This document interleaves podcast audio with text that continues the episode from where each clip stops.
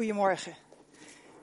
Ik zal eh, beginnen om me even voor te stellen. Uh, mijn naam is dus Marijke Volgers. Ik woon in uh, Den Bosch. Uh, samen met mijn man en onze twee dochters van 10 en 14. En enige tijd geleden woonden daar parttime ook nog de twee oudste kinderen van mijn man bij in. Ehm, maar die zijn inmiddels uitgevlogen. De ene naar Zaandam en de ander naar Valencia. Dus uh, dat geeft ons nog eens goede redenen voor mooie vakanties. Vinden we niet helemaal erg. Uh, ik werk uh, als ambulant begeleider uh, voor het leger des Heils. Ehm, en dat doe ik in een team voor specialistische hulpverlening. En dat betekent dat de mensen waar ik dan thuis kom, dat die eigenlijk altijd te maken hebben met een opeenstapeling van problematiek uh, waardoor er dus uh, wat meer nodig is dan wat lichtere hulpverlening. En dan hebben we het over dingen als uh, schuldenproblematiek, vervuiling of hoarding, psychiatrische problematiek, nou, allemaal dat soort, dreigende dakloosheid. Dat soort zaken kom ik dan wekelijks tegen. En dan zou je, als je dat hoort, kunnen denken van, oh my. Wat een ellendig werk. Uh, nou, het mooie is, er is meestal wat aan te doen. En dan loopt het uh, toch heel vaak goed af. Uh, dus daar geniet ik heel erg van om, om dat ook te doen. Um, en hoe ik nou hier helemaal verzeild kom vanuit Den Bosch. Nou, ik heb ooit als tiener wel bedacht om theologie te gaan studeren. Maar ik groeide op in een gereformeerde vrijgemaakte kerk waar toen uh, vrouwen nog niet konden spreken. Inmiddels uh, mag het ook daar. Uh, maar goed, als tiener heb ik toen die wens om theologie te gaan studeren opzij geschoven, ben de hulpverlening ingegaan. maar eenmaal daar aan het werk merkte ik al heel gauw van nou, dit is het toch net niet helemaal. en toen ben ik naast mijn werk in de hulpverlening weer theologie of alsnog theologie gaan studeren. Uh, dat toen niet helemaal af kunnen maken, want onze oudste dochter werd geboren. Uh, en was wat je noemt een huilbaby. Die huilde 12 tot 16 uur per dag. Nou, en werken en dat. En nog een studie, dat ging niet helemaal. Dus dat heb ik aan de kant geschoven. Maar inmiddels uh, zijn de tropenjaren met onze kinderen uitgebreid uh, voorbij. Uh, en toen dacht ik op een gegeven moment, nou, nou moet ik daar maar weer eens mee aan de slag. maar om het mezelf na tien jaar niet studeren niet al te moeilijk te maken, ben ik toen eerst maar eens begonnen met de sprekersroute van het Evangelisch College. En dan denkt u misschien, ah ja, ja daar heb ik les gehad van Marco. en zodoende sta ik vanochtend hier.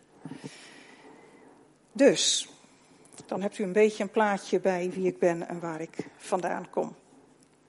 Uh, ik wil het uh, vanochtend hebben over, uh, Fokko zei het al, een blik op macht. en dat wil ik doen vanuit het boek Esther. Esther is een boek waarin die macht uitgebreid aan de orde komt. En ehm, nou, een vrij bekend verhaal. Uh, en de betekenis van het verhaal lijkt ook wel relatief eenvoudig. God redt zijn volk. Zoals eigenlijk door die hele Bijbel heen continu gebeurt. God redt zijn volk. Nou, dat is zeker waar, maar ik denk dat we het boek Esther tekort doen als we het daarbij laten. En daar wil ik dan vanochtend met jullie eens even lekker induiken. Um, het boek heeft een, een structuur. Uh, dat is een chiasme is een soort van spiegelbeeld waarin uh, een beweging is die eerst de ene kant op gaat en dan de andere kant. Uh, ik doe nu zo, want als je het opschrijft heb je het vaak onder elkaar. Eigenlijk, uh, en dat kunnen we hier zien, en dat wil ik graag even wat mensen hebben die dat uit willen delen. Uh, want dan kunt u het visueel met mij meevolgen. Eigenlijk is het een beweging die eerst naar beneden gaat, dan komt er een keerpunt. En dan loopt het weer omhoog en loopt het toch nog goed af. Nou, ik begin vast uh, te vertellen. Dan volgt u mij straks uh, vast mee met uh, de plaatjes. Ehm,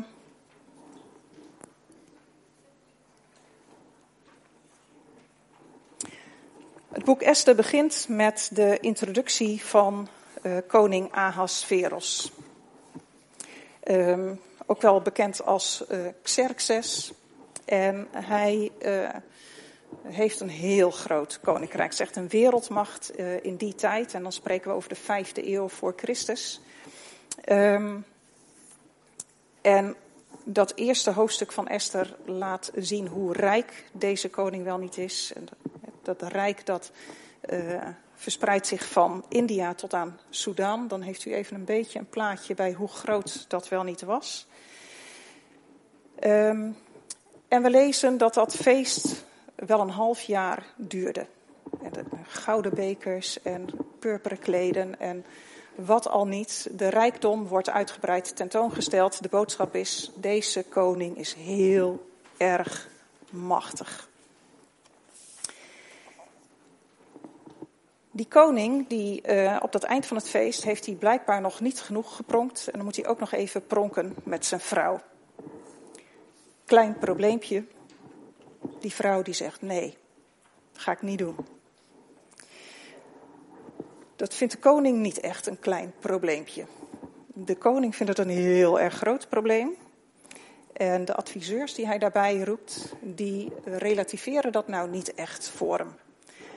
Die polariseren de boel nog even verder door. Vasti heeft niet alleen gezondigd tegen haar man. Nee, ze heeft ook nog even gezondigd tegen alle vorsten in het hele rijk. Toe maar. Goed, zij wordt verstoten. De koning blijft alleen. En uh, daar krijgt hij uh, toch ook wel een beetje spijt van. Zoveel spijt dat uh, er een nieuwe vrouw voor hem gezocht moet worden. Dus wordt het hele koninkrijk doorzocht naar mooie meisjes. En een van die mooie meisjes is Esther. Esther is een weesmeisje, wordt opgevoed door haar neef, Mordechai. Uh, die haar geadopteerd heeft nadat haar ouders zijn overleden. En uh, is daarmee dus in alles een tegenstelling van die machtige koning. Een jong meisje, wees, uh, geadopteerd, in ballingschap, uh, uit een Joods volk dat onderworpen was door die koning. Wordt dan meegenomen naar een harem. En een jaar nadat ze daar naartoe is gegaan, komt ze dan voor het eerst bij de koning. Dat was dan gebruikt, uh, zes maanden een bepaalde behandeling, zes maanden nog een behandeling. En dan waren de meisjes klaar om naar de koning te gaan. En meestal kwamen ze daarna niet meer bij hem terug. Voor eenmalig gebruik. Wegwerpartikelen. Zo niet met Esther. Uh, zij uh, doet het goed bij de koning. Uh, ze bevalt hem. Uh, en hij besluit om haar tot vrouw te nemen. Onverwachte wending. Ze wordt daarmee in, zomaar ineens de machtigste vrouw op aarde. Nou moet je je bij die macht niet al te veel voorstellen, want we hebben net gezien hoe het met Vasti afliep. Maar toch, onder de vrouwen op de aarde is ze ineens van weesmeisje de vrouw op de meest machtige positie. Nou, dan uh, komen we bij uh, het volgende stuk. En daar lezen we dat uh, Mordechai op de hoogte raakt van een complot tegen de koning. Daar een stokje voor steekt, het aan Esther vertelt. En Esther die vertelt het aan de koning. Complot wordt voorkomen. En nou, de koning kan verder Vervolgens wordt Haman uh, aangesteld als hoogste boven alle andere vorsten. En de koning beveelt dat iedereen voor hem moet buigen. Maar dat doet Mordechai niet. En ook hier zien we dat uh, een, een, kleine Een klein verzet tegen een machtige man heel groot wordt gemaakt door die machtige man. Het zijn. Uh, je zou denken dat zo'n machtige man daar, daar niet zo op let. Hè, dat, dat, je zou daar je schouders over ophalen, denk je, als je de machtigste man ter wereld bent. Maar dat gebeurt dus niet. Die mannen die zijn blijkbaar uh, wat kwetsbaar in die macht. Tegenwoordig hebben we daar een hele mooie term voor. Fragile masculinity. Nou, daar hebben deze mannen wel last van. Ze kunnen de, de kleinste aantasting van hun macht niet hebben. En dus bedenkt Mordechai, of uh, Haman een plan. Die Mordechai die moet niet alleen maar teruggepakt worden. Nee, hij gaat gelijk dat hele Joodse volk een kopje kleiner maken. En uh, daar heeft hij veel geld voor over. 10.000 talenten zilver. Ik weet niet of u enig idee hebt waar we het dan over hebben. Eén talent had een waarde van 6000 daglonen, oftewel 20 jaar werk. En dat keer 10.000. Niet te zuinig. Nou, daar drinkt de koning uh, nog een lekkere borrel op met Haman. En dan lezen we in dat verhaal, en dat is altijd het mooie van die Bijbelverhalen, die, die bijzinnetjes, uh, waaruit we kunnen lezen hoe bizar het eigenlijk is wat daar gebeurt. Um, want dan staat er, iedereen in de burcht Susan was in verwarring. Dus die koning en die Haman, die vieren feest en die hebben niks door. En voor de rest heeft iedereen in de gaten van wat voor bizars gebeurt hier? Wat is dit in vredesnaam?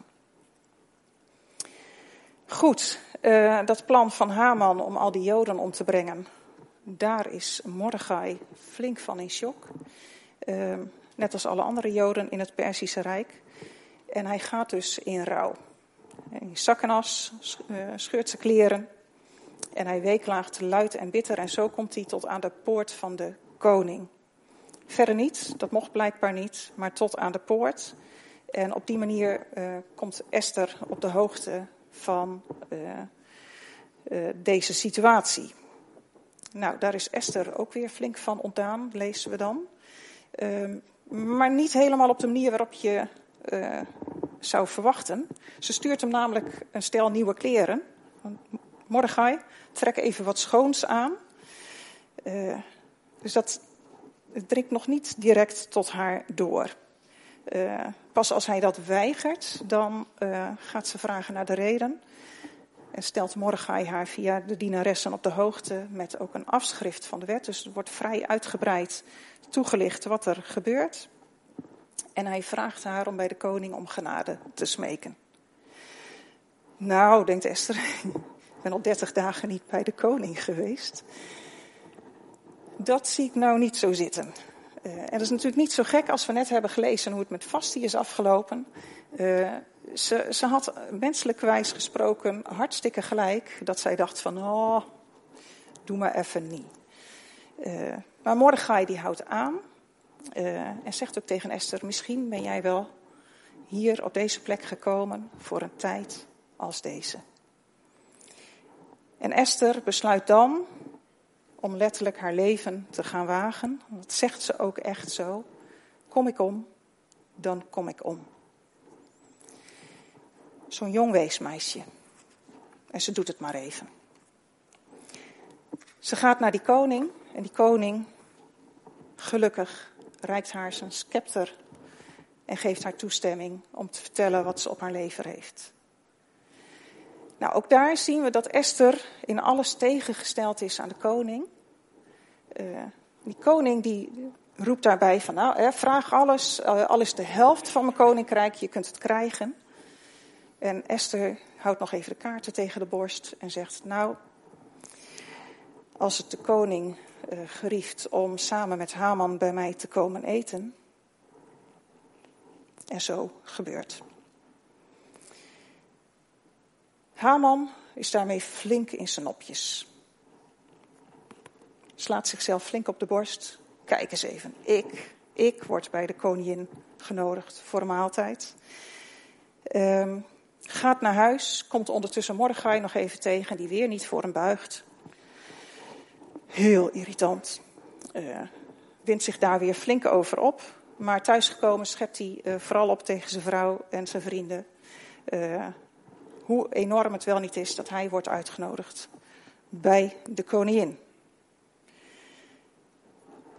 Hij geeft daar ook wel weer opnieuw aan hoe lastig hij het vindt dat hij Mordechai maar niet voor hem wil buigen. Nogmaals, mooi staaltje, fragile masculinity. En ook zijn omgeving helpt hem nou niet bepaald om dat te relativeren. Ook zij helpen alleen maar mee om het verder te polariseren. Maar dan, dan draait alles om door één toevallige gebeurtenis. De koning kan een nachtje niet slapen. En hij laat uh, dienaren de kronieken voorlezen en komt dan het verhaal tegen waarin Mordechai uh, de moordplannen tegen hem heeft voorkomen. En vraagt dan, is hij daar eigenlijk wel voor beloond? Nou, dat blijkt helemaal niet het geval te zijn. De volgende ochtend dan staat Haman al vroeg voor de deur. Die wraak op Mordechai, die kon blijkbaar echt niet wachten. Dus de koning roept hem bij zich, uh, maar in plaats van te vragen van, hey joh Haman, wat, uh, wat kom je nou zo vroeg doen? Vraagt hij aan Haman van, nou hoe moet ik nou iemand die ik grote eer wil betonen, hoe moet ik die nou uh, behandelen? He, wat moet ik dan doen? Ah, denkt Haman, dat moet over mij gaan. En hij komt met een grootse opzet. Nou, kan je zijn gezicht voorstellen als de koning vervolgens zegt: Ja, goed idee. Doe dat met Mordechai. Mordechai, echt waar. Niet te filmen toch, maar wel. Nou, morgen Haman weer naar huis. Beklaagt zich daar flink tegen zijn vrienden en zijn vrouw. Uh, en zij waarschuwen me al. Dit zou wel eens verkeerd af kunnen lopen. En in dat verhaal lezen we dan ook direct, het verhaal laat ons echt direct weten dat dat inderdaad het geval is. Want dan lezen we, en terwijl zij nog met hem spraken, kwamen de hovelingen van de koning. En dan wordt er nog even gespeeld met ons verwachtingspatroon. Haman wordt opgehaald voor de maaltijd bij koningin Esther, de tweede maaltijd. Maar die koning die wil nu van Esther opnieuw weten. Wat had je nou op je lever? Wat wil je nou? En deze keer uh, geeft Esther wel antwoord op die vraag. Ze geeft aan dat er een plan is beraamd tegen haar volk, om haar volk te doden. En ze vraagt de koning om hun levens te redden. Nou, bij die koning gaat nog geen lampje branden. Hij had, het, had kunnen denken van, wacht even, oh, er was, er was dat plan met die 10.000 talenten. Maar er gaat geen lampje branden. Hij is wel furieus. En wil weten wie dat nou op zijn geweten heeft. En dan wijst Esther Haman aan. Koning loopt naar buiten. Uh, Haman valt neer op het rustbed van Esther om haar, uh, om zijn leven te smeken. En als de koning dan terugkomt en hem op uh, het rustbed van Esther aantreft, dan is het echt gedaan. Hang die man op, zegt hij. En zo gebeurt.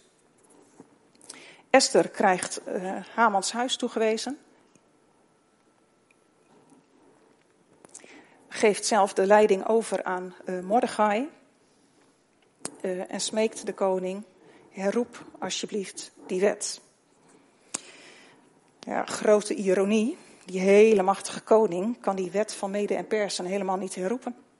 Nou, sta je dan. Ben je zo machtig, kan je je eigen wet niet eens herroepen.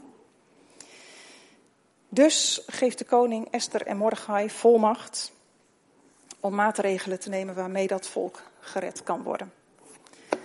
Nou, dat gebeurt ook. Uh, Mordechai en Esther stellen een andere wet op waarmee de Joden in de gelegenheid worden gesteld om zichzelf te verdedigen. Uh, en dat uh, doet het Joodse volk met verven, lezen we, want er vallen nogal wat doden. Ruim 75.000 doden vallen er op het moment dat de Joden zich uh, verdedigen. tegen de aanslagen die op hen gericht zijn. Daarna wordt er ter nagedachtenis hieraan een feest ingesteld dat op uh, uh, woord van Esther jaarlijks gevierd zal gaan worden. En dan eindigt het verhaal niet met de grootheid van de koning, maar met de grootheid van Mordechai. De rollen zijn omgedraaid, het volk is gered. Dan hebben we die hele beweging gehad. Van de top naar de downfall en het moment dat alles keert, zijn we weer terug bij de top, maar dan anders. En in dat hele gebeuren wordt God nergens genoemd. Niet letterlijk.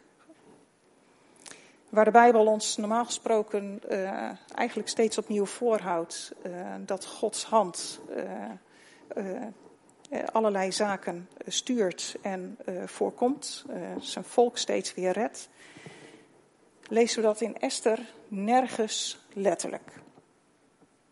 Maar, zeker voor de Joodse hoorders toen, was het wel zeker zichtbaar. God is eigenlijk onzichtbaar zichtbaar. Um, dat is voor ons wat lastiger te herkennen. 2.500 jaar later en 5.000 kilometer verderop. Uh, maar we krijgen een aantal hints. Mordechai is een afstammeling van Kis uit de stam Benjamin. Haman is een Agagiet. Een Agag was de koning van Amalek. Het volk is in ballingschap, gevangenschap. Het plan van Haman wordt tot wet gemaakt op 13 Nisan. En op 14 Nisan wordt het Pesachfeest gevierd. Interessante timing. En Esther, die vindt zichzelf helemaal niet geschikt als leider en redder van het volk. En benoemt dat ook. Hè. Wie ben ik nou? Wat kan ik nou doen? Uh, het zijn zo'n aantal hints. En ik weet niet of er dan uh, bij u een lampje gaat branden. Of u zegt van nou, dat doet mij ergens aan denken. Roep eens wat. Mozes. Ja. Nog iemand? Ja, nou David, Saul. Saul. Saul was ook een afstammeling van Kis uit de stam Benjamin. Uh, en Saul vocht ook tegen de Amalekieten. Dus de, de Joodse hoorders hebben hier echt verstaan waar het over ging. Allemaal parallellen. Ze wisten waar het heen ging. Zonder dat dus letterlijk te benoemen, vertelt dit verhaal dat God zijn volk redt. Ook als het uitzichtloos is, uh, als je denkt dat er niks meer aan te redden valt, redt God toch. Hij deed dat bij Mozes, hij deed dat in tijden van Saul en hij doet dat ook nu weer. God is in control, niet de mens. En die boodschap, die horen we ook omdat dit verhaal uh, macht continu uh, bespot, eigenlijk. En we zien een machtige koning die zijn eigen wetten niet eens kan herzien. We zien een koning die uiterst emotioneel en impulsief handelt en daar vervolgens dan weer spijt van heeft. We zien een koning wiens vrouw niet naar hem luistert. Vinden we tegenwoordig misschien niet zo schokkend meer, maar dat was in die tijd wel een dingetje. Um, we zien een koning die uh, van een kleine ondermijning van zijn macht een heel groot probleem maakt. Uh, daar heel erg van ondersteboven raakt. We zien ook een koning die voortdurend leunt op zijn adviseurs en niet zelf beslissingen kan nemen. En datzelfde zien we ook bij Haman. Al, dat, al die kenmerken die ik net over de koning heb genoemd, zien we ook weer bij Haman terugkomen. En vervolgens leggen deze twee machtigste mannen ter wereld het glansrijk af tegen een weesmeisje, een jong weesmeisje uit een onderdrukt volk. Nou, daar vertelt het verhaal ons dus dat die, die macht, die menselijke macht, dat we daar niet zo van onder de indruk hoeven te zijn. Dat is niet hoe God het uh, bedoeld heeft.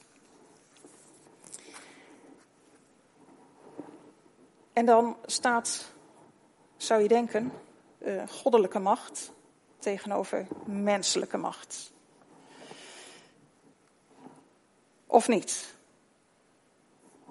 Nou ja en nee, denk ik. Ja, uh, dit verhaal vertelt wel degelijk dat waar menselijke macht, die nog zo groot kan zijn, uh, tekortschiet, dat God daar wel in control is. Maar die goddelijke macht, die ziet er wel wat anders uit dan hoe wij mensen macht definiëren.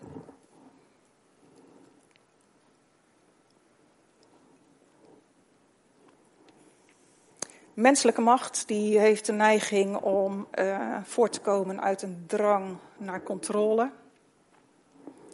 Nou, zo niet God. Die schiet mensen met een eigen wil. Als er iets is wat je niet moet doen als je een control freak bent, dan is het dat. Want die mensen die gaan van alles doen wat helemaal niet de bedoeling was. Die menselijke macht die komt ook uit, uh, vaak voort uit eigenbelang. Wat je zelf wil hebben, dat probeer je te bereiken. En daarvoor moeten anderen dan wijken.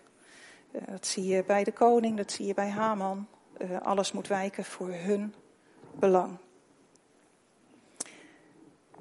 De hele Bijbel doorlezen we dat God zo niet in elkaar steekt. God heeft het goede met ons voor. En is dus ook steeds bezig met ons belang en het goede voor ons te bewerkstelligen. Menselijke macht komt ook voort uit allerlei emoties. Angst, boosheid, verdriet. En die emoties kunnen bij onszelf nogal eens leiden tot allerlei manipulatief gedrag. Zo werkt het bij God ook niet. Bij God komen de dingen voort uit zijn liefde voor ons. En die liefde, dat zien we in dit verhaal nog niet zo, uh, niet zo duidelijk. Die liefde die is kruisvormig. En dat vertelt ons dat als uh, God uh, aan het handelen gaat, dat het dan helemaal niet gaat over controle hebben en over eigen belang, maar over het loslaten en het uh, belang van de ander. Het, het jezelf ondergeschikt maken aan een ander. En dat liet God zien door Jezus, die zijn goddelijke macht opgaf en mens werd, die voor ons stierf aan een kruis, uh, die helemaal niet bezig was met de grote machtige overwinnaar uit te hangen, maar die het juist laat zien in liefde en nederigheid. En ook al vertelt dit verhaal dat niet letterlijk, ook hier zien we dat toch weer tussen de regels door gebeuren. Want Esther is zo'n onwaarschijnlijk type waarvan je op voorhand denkt, dat gaat hem niet worden. En daardoorheen werkt God. Ze is echt een voorafschaduwing van Jezus. Ze staat daarmee naast een Hanna, moeder van Samuel, een Maria. Uh, als je de beide lofzangen van deze vrouwen uh, erbij pakt, nou dan krijgt dit verhaal al veel meer uh, diepte en dimensie. En dat is hoe het gebeurt.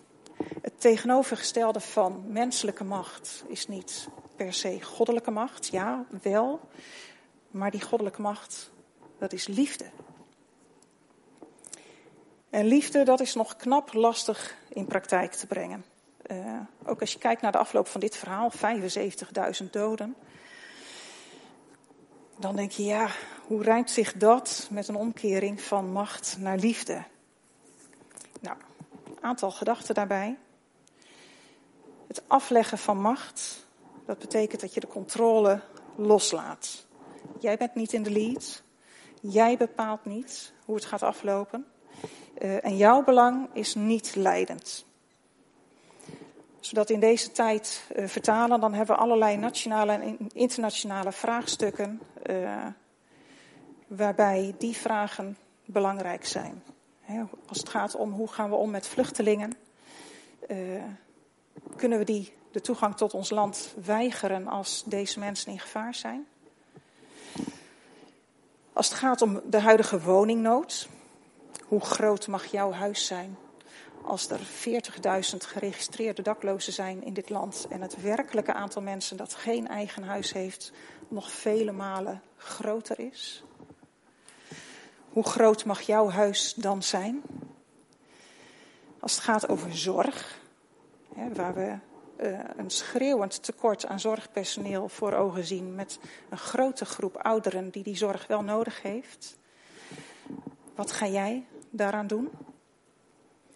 Als het gaat om klimaat, hoe groot mag jouw carbon footprint zijn als je weet dat jouw gedrag ervoor zorgt dat in Afrika miljoenen mensen omkomen van de honger, omdat daar de gevolgen van klimaatverandering het eerst gevoeld worden? Maar ook in de kerk, met allerlei theologische verschillen die we onderling kunnen hebben. Uh, maar ook smaakverschillen over hoe het mag gaan in een kerkdienst. Voor je het weet ben je een oorlog aan het voeren waarin jij je gerechtvaardigd weet door God uh, en de ander jouw vijand of zelfs Gods vijand wordt als die ander het niet doet zoals jij het ziet. En dan ben jij zomaar ineens de koning die zich kwaad maakt over vastiesweigering. Of, nog erger, een van zijn adviseurs die de boel nog verder polariseert. Ook als het gaat om uh, contacten één op één met andere mensen. Mag de ander zijn wie die is? Of heb jij allerlei ideeën over hoe de ander zou moeten zijn, wat hij wel en niet mag doen, uh, wat hij vooral ook zou moeten laten? Um, hoe verhoudt zich de autonomiteit van die ander ten opzichte van jouw ideeën? Uh, en uh, in het contact met die ander, hoe gedraag jij je dan? Daarin zijn een aantal vragen uh, wel helpend om te bedenken van hé, hey, hoe, hoe speelt dat bij mij? welke emoties spelen er in het contact met die ander? Waar word je bang van? Waar ben je verdrietig over? Waar word je boos over? Wat frustreert je nou precies? En zit hem dat nou echt in die ander? Of triggert dat iets in jou? Welke belangen spelen er? Vooral welke belangen bij jezelf spelen er? Wat frustreert jou nou zo? Wat maakt jou nou zo angstig of verdrietig? Welke belangen bij jezelf staan er op het spel? Um, en geef je dan advies aan die ander? Of ben je aan het manipuleren? Durf je dat onderscheid voor jezelf te maken? Durf je daarin eerlijk te zijn? Nou, dat zijn zo'n aantal gedachten als het gaat over uh, daar waar je te veel gaat doen.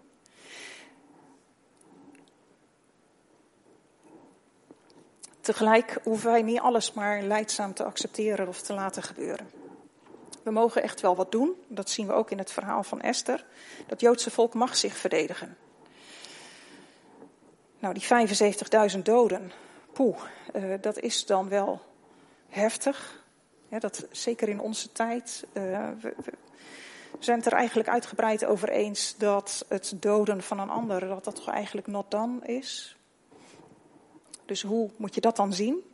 Nou, je ziet in uh, het ene laatste hoofdstuk van dit verhaal dat uh, uh, de ruimte voor het Joodse volk ingekaderd wordt door die wet.